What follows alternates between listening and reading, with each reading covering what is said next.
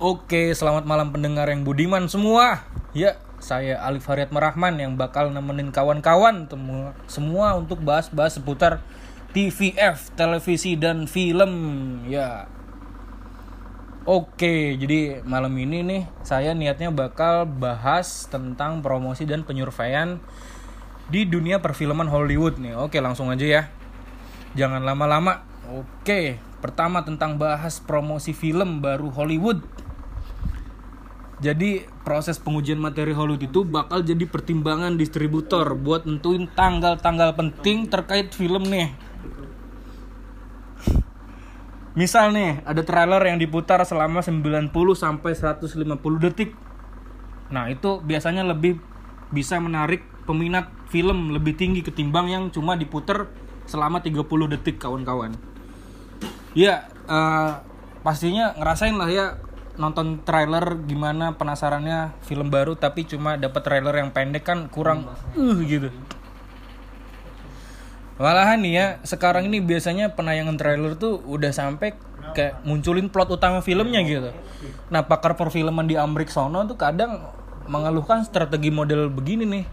Soalnya penonton nggak dikasih kesempatan sedikit pun untuk penasaran gitu sama filmnya. Ya masa sih nunjukin plot kan nggak asik ya. Nah, ada kata-kata nih seorang pakar film nih tentang penayangan trailer. Jadi begini kata-katanya. Katanya, cukup panjangkan durasi trailer maka skor survei film Anda akan tinggi. Nah, jadi durasi penayangan trailer dengan hasil survei film baru itu berbanding lurus gitu. Jadi semakin panjang durasi trailer, eh, minat halayak tentang film baru ini bakal tinggi gitu, sobat-sobat. Eh, ya, karena udah nyerempet-nyerempet tentang survei ini, saya akan bahas survei film Hollywood. Nah, di Hollywood ada sebuah teknik penyurveian film yang dilakukan untuk melacak kesadaran penonton tentang film baru yang bakal rilis. Biasanya nih ya, survei ini dilakukan per minggu oleh lembaga survei yang dipercaya untuk melihat kesadaran halayak. Beberapa perusahaan survei biasanya melakukan survei terhadap halayak selama 6 minggu nih sebelum filmnya rilis. Nah, perusahaan menggunakan hasil survei ini untuk menentukan langkah pemasaran selanjutnya. Misal nih ya, dari pelay- dari penayangan trailer itu ada penonton yang kurang suka nih ada sampel yang ya kurang puas lah sama filmnya.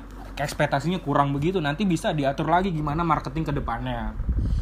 Oke kawan-kawan segitu dulu tentang pembahasan promosi dan survei film survei film kali ini. Barangkali ada yang berkenan untuk tanya-tanya soal TVF lagi bisa kirim ke email saya di alifharyatma@gmail.com Eh, nanti untuk podcast berikutnya ya Oke, terima kasih ya. Sayonara, selamat pagi, siang, sore, dan malam. Salam TVF.